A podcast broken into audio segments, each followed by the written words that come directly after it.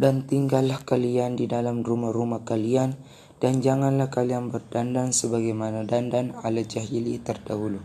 Quran Surah Al-Azab ayat 33 Disebutkan dalam hadis dari Abdullah Nabi Sallallahu Alaihi Wasallam bersabda Sesungguhnya perempuan itu aurat. Jika dia keluar rumah maka setan menyambutnya. Keadaan perempuan yang paling dekat dengan Allah adalah ketika dia berada di dalam rumahnya Hadis riwayat Ibnu Khuzaimah nomor 1685 dan Tirmizi nomor 1173.